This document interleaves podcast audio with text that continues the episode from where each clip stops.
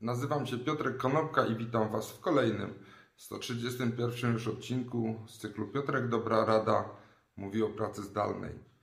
Dzisiaj po raz kolejny powiem kilka słów na temat wypalenia zawodowego. Portal DICE jest to taka firma w Stanach Zjednoczonych, która łączy pracowników głównie z branży IT i pracodawców. W samych Stanach Zjednoczonych chwalą się, że mają 9 milionów profili osób regularnie poszukujących pracy lub to pracę zmieniających. Latem tego roku firma przeprowadziła badanie sentymentu wśród tych 9 milionów uczestników i dane, które się pojawiły, pokazały, że w niektórych wypadkach obłożenie pracą przy tej samej pensji w trakcie pandemii uległo niekiedy podwojeniu. E, inne badanie firmy Team Blind y, wskazało, że ponad 36, 36% y, badanych pracowników też z branży technologicznej odpowiada na maile i odpowiada na telefony niezależnie od godziny czy pory dnia. W lipcu 73% badanych przez właśnie portal Blind powiedziało, że czuje się wypalonych zawodowo. Jak można uniknąć tego wypalenia zawodowego? Chciałbym podać cztery e, takie punkty, które powinniście sprawdzić i powinniście wdrożyć, czy to działa u Was. Przede wszystkim ustawcie sobie harmonogram, tak żebyście Wy i Wasi pracownicy i Wasza rodzina wiedziała, że pracujecie na przykład od godziny 9 do godziny 17 i to jest Wasza godzina pracy. Poza tymi godzinami nie pracujecie, nie sprawdzacie maili, nie odbieracie telefonów, nie odczytujecie SMS-ów. Pamiętajcie, możecie ten czas wolny od czasu pracy oddzielić poprzez na przykład założenie koszuli i krawatu, czyli mentalnie wychodzimy do pracy zakładając krawat, mentalnie z tej pracy wracamy, gdy krawat zdejmujemy. Drugim punktem to jest przenegocjujcie swoje obciążenie pracą.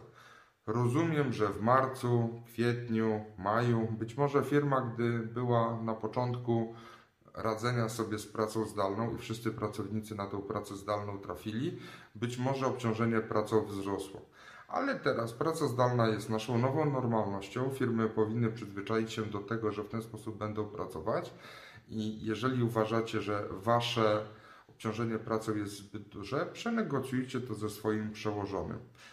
Również nie w interesie firmy jest to, żebyście poczuli się wypaleni, także firma powinna na to zwrócić uwagę. Trzecim punktem jest zaangażowanie.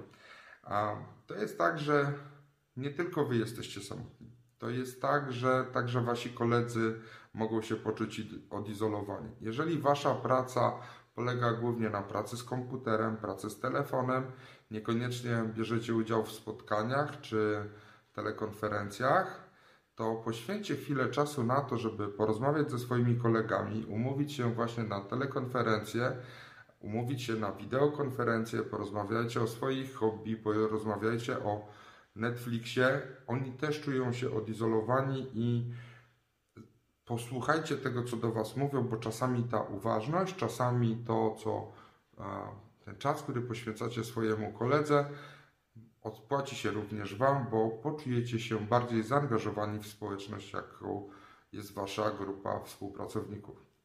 I ostatnia, czwarta rzecz to jest przede wszystkim zdrowy i długi sen oraz ćwiczenia fizyczne. Chodźcie na rowery, biegajcie, uprawiajcie sport w domu, ale też wdróżcie rutynę e, codziennego spania, tak żeby na przykład dużo wcześniej wyłączać telefon, albo nie mieć tego telefonu zaraz przy sobie przy łóżku, bo jeżeli przez całe dnie pracujecie z komputerem i z telefonem, to chociaż w godzinach nocnych nie miejcie dostępu do tego urządzenia. Dzięki serdeczne, do usłyszenia i zobaczenia jutro. Na razie.